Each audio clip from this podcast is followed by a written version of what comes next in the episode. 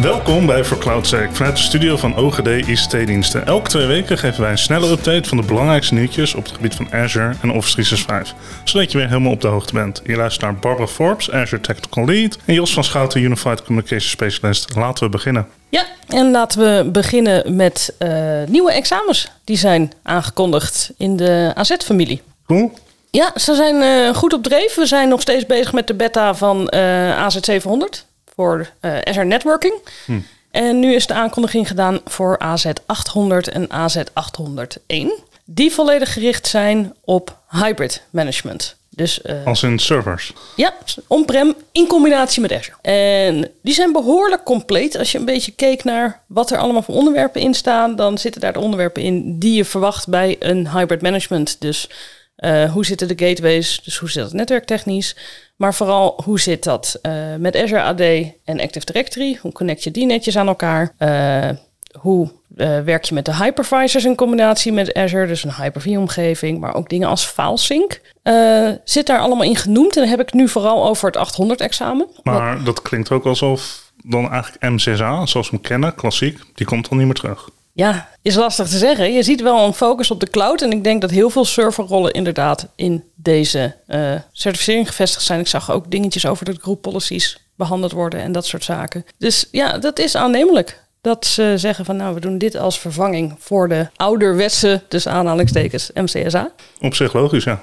Ja, en uh, daarmee voldoen ze wel weer aan een vraag die je veel ziet. Want bijna de meeste klanten op dit moment, of de meeste bedrijven moet ik zeggen, draaien nog steeds op uh, een hybrid omgeving. En het ziet er ook uit alsof dat nog even duurt, want de meeste migraties zijn gewoon lastig. Dus dan zijn dit wel hele gezinnige skills om te kennen. En daarin zie je dat die 800 dus een beetje de basis daarvan legt. Hoewel het uitziet als een heel compleet examen, ook best wel een groot examen.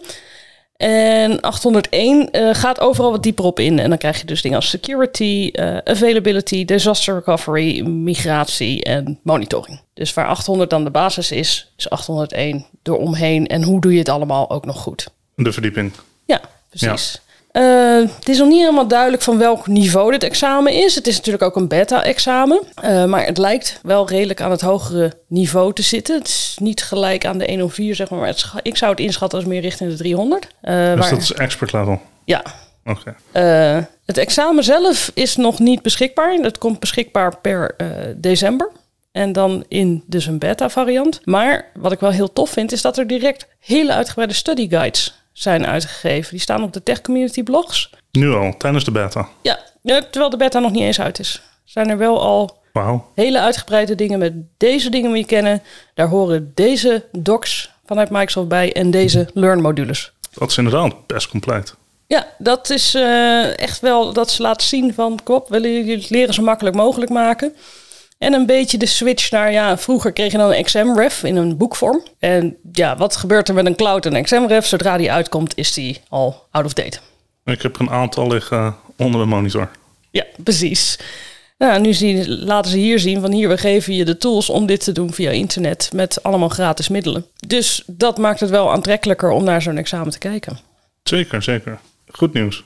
Ja, dus uh, ik zal uiteraard de linkjes daarvan uh, zorgen dat die in de show notes komen. En uh, ja, leuk, leuk dat ze actief bezig zijn met de examens vernieuwen. Zeker. En dan hebben we ook een ja, nieuwtje. Het is niet echt een heel nieuw nieuwtje. Uit het examenskamp. er is aangekondigd dat Basic Authentication doodgaat. Maar dit keer echt. Ik wou net zeggen, alweer? ja, het is natuurlijk een paar keer eerder aangekondigd. Toen is het dan hond gezet vanwege COVID. Vorig jaar is nog uh, gezegd, van, ja, het gaat er toch binnenkort stiekem aankomen. En nu is er een datum, 1 oktober 2022 uh, gaat het uit. Microsoft heeft ook gezegd, er zijn geen mogelijkheden voor extension.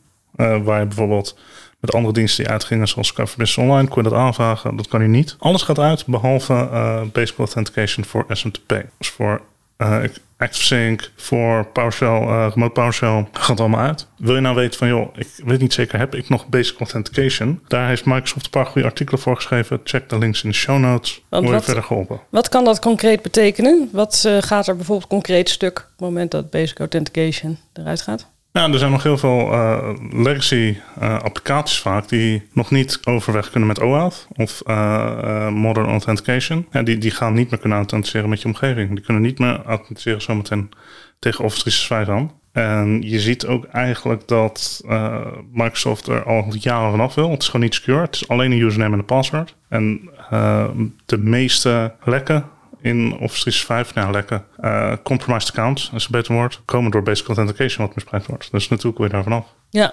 want als we een voorbeeld hebben van een legacy authentication, je zei net iets PowerShell remoting bijvoorbeeld. Ja, dus uh, op dit moment nog, voor in ieder geval volgens mij de Exchange en Teams modules, moet je nog Basic Authentication aan hebben staan om uh, dat te kunnen doen. Dus Microsoft heeft zelf ook nog wel het werk om het recht te trekken, om Modern Authentication af te dwingen op alle PowerShell modules. Ja, en uh, wat moet je nou zelf doen? Zoals jij nu een omgeving hebt, je kan een paar links checken. Zijn er nou veel voorkomende dingen waar je zegt, ja, daar moet je naar gaan kijken? Uh, nou, het, je moet het gewoon uh, uitzetten. Je kan kijken welke van je accounts dit nog gebruiken. En dan okay, kan je zien van, hey, dit is een service account voor deze applicatie. Laat me even praten met die applicatie-eigenaar of die functioneel beheerder. Dat kan je checken. Het gaat sowieso in begin 2022 doen ze een soort van rolling uh, test, laten we het zo noemen. Het gaat 12 tot 48 uur gaat uit. Daarna kan het weer re-enabled worden, maar je gaat er begin volgend jaar al dingen van merken. Oh, dat is wel een grappige tactiek. Ja. Van hier, we gaan je alvast even laten voelen wat er straks aankomt. ja, dat, uh, je kan opt-outen daarin, uh, maar dat biedt je zelf actief voor opt-outen natuurlijk. Ja, mooi. Maar ja, het feit dat ze er al zoveel lang mee bezig zijn. En... Het zou eigenlijk overal uit moeten staan. Dit roepen ze al jaren. En de enige dat nog niet uit is, is COVID. En nog steeds krijg je... Want per wanneer gaat het uit? 1 oktober 2022. We hebben nog steeds een jaar. Eigenlijk is dat tijd zat, ja. Nou, goede tip voor iedereen om daar nog even te gaan, te gaan kijken voor je omgeving. Ja, als je het hebt, begin nu. Was, was een jaar geleden begonnen. Eigenlijk wel, ja. nou, mooi. Uh, hebben we er nog eentje? Eentje, een nieuwtje aan een kant waar je niet heel vaak nieuws ziet, dus daarom is hij wel leuk. Aan de Azure DevOps kant uh, is een nieuwe feature in public preview gekomen en dat is de ADO Audit Stream. Het is overigens ook een van de eerste keren dat ik ze dingen daadwerkelijk ADO zie noemen, maar dat terzijde. Meestal gebruiken ze SDO of gewoon de volledige naam. Azure DevOps wordt als omgeving steeds meer een belangrijk ding vanuit een uh, DevOps perspectief natuurlijk. Er wordt heel veel gebruikt, maar er wordt ook steeds meer aandacht gegeven voor het security aspect in Azure DevOps. Want als er steeds meer naar code toe verschuift, dus steeds meer van je infra wordt ook vanuit een code uitgerold en daar leven al je applicaties, ja, dan is, wil je daar ook een goed zicht op hebben. Nou is auditing al heel lang een ding. Je hebt gewoon een auditing stream in Azure DevOps zelf, uh, waar je kan bijhouden wie heeft wat gedaan in je complete organization. Die blijft 90 dagen bestaan, maar is eigenlijk vooral gericht op dat iemand dat handmatig kan checken als dat nodig is. Ja, je kan een CSV'tje eruit halen, maar...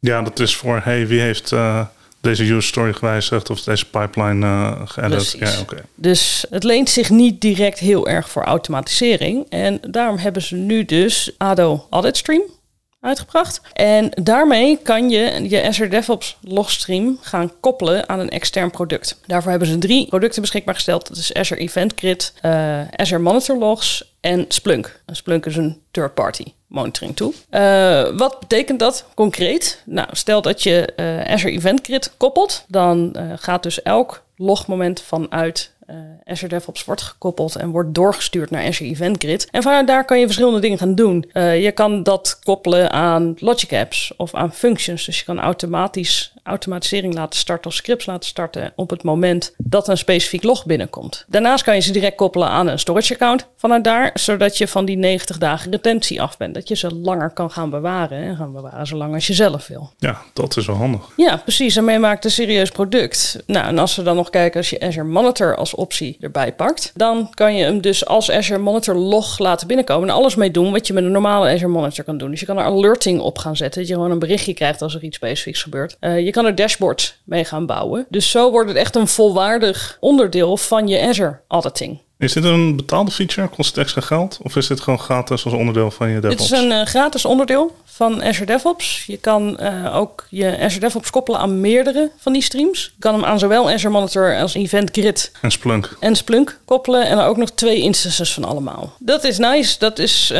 heel erg fijn in de huidige sfeer van waar we gewoon bij willen houden wat er gebeurt. Waar je dat op security basis gewoon moet kunnen. En vooral dat je alerting in kan stellen op als mensen bepaalde acties doen. En het leuke is van het komt op dit moment uh, zie je dit soort ontwikkelingen niet altijd bij Azure DevOps. Zie je soms dat het eerst bij GitHub komt bij GitHub Enterprise. Iedereen die daar een beetje op let, die weet dat die elkaar nog op de voet volgen. En dus is dit ook geïntroduceerd voor GitHub Enterprise. Daar hebben we een iets andere naam gegeven. Uh, daar heet het Audit Log Streaming. En vanuit daar kan het naar Azure Event Hub of naar Splunk. Ze maken het net even anders, maar je hebt daar dus wel dezelfde functionaliteit van als er auditing zaken daar gebeuren, kan je ze door laten sturen naar een andere plek. Uh, met vanuit GitHub ook nog de ambitie om dit in de toekomst ook naar AWS en Google Cloud te kunnen laten doorsturen. Klinkt logisch, ja.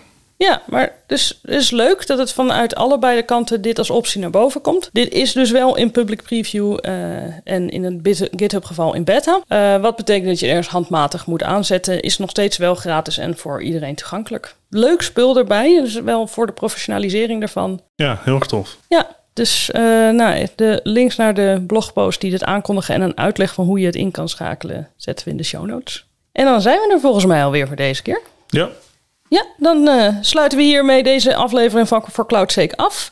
Over twee weken zijn we weer terug met een nieuwe uitzending. Wil je nou meer informatie over alle besproken onderwerpen? Kijk dan naar de links in de show notes.